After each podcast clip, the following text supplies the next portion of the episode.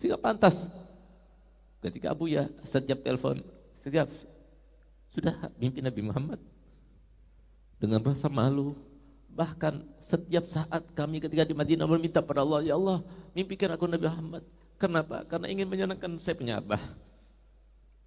Sampai suatu waktu, mungkin berkat doa daripada Abu Yahya Hasan, maka kemudian saya katakan, Bi, Alhamdulillah sudah mimpi Nabi Muhammad.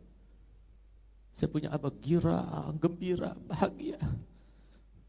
Sampai saya mendengar ibu saya itu bercerita dari saking gembiranya abahmu itu sampai bersodakoh dengan banyak berjuta-juta beliau sodakohkan karena saking gembiranya engkau telah bermimpi Nabi Muhammad sehingga pantas kalau suatu waktu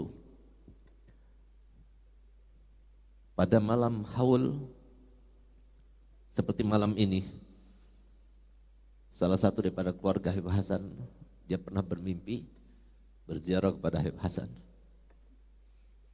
Dan semoga kemuliaan yang semacam ini tetap kita akan dapatkan dan selalu akan kita dapatkan. Dan semua yang terkait dengan Nabi Hasan selalu mendapatkan kemuliaan yang semacam ini.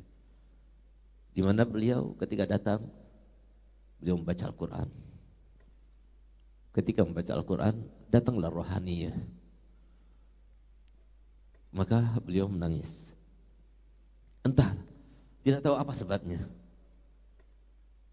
Tiba-tiba dia mendengar suaranya Nabi Muhammad di dalam makam saya punya Abah Hasan Baharun.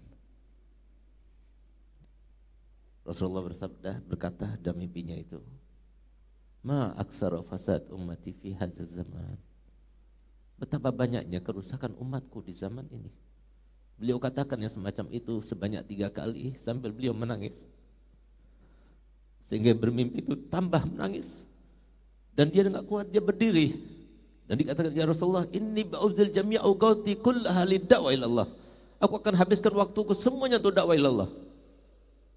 Ketika diucapkan oleh yang mimpi seperti itu, maka keluar Nabi Muhammad dari makam saya punya abah. Lalu kemudian orang bermimpi itu dicium di jidatnya. Lalu dikatakan kepadanya, tahukah engkau wahai anakku, apa sebab kerusakan umatku di zaman sekarang ini? Dijawab olehnya tidak ya Rasulullah. Liannahum mayatamassakuna bi kitabillah masilalahu. Karena mereka tidak lagi berpegang teguh dengan satu kitab yang tidak ada tandingannya. Maka ditanya oleh yang bermimpi, kitab apa ya Rasulullah?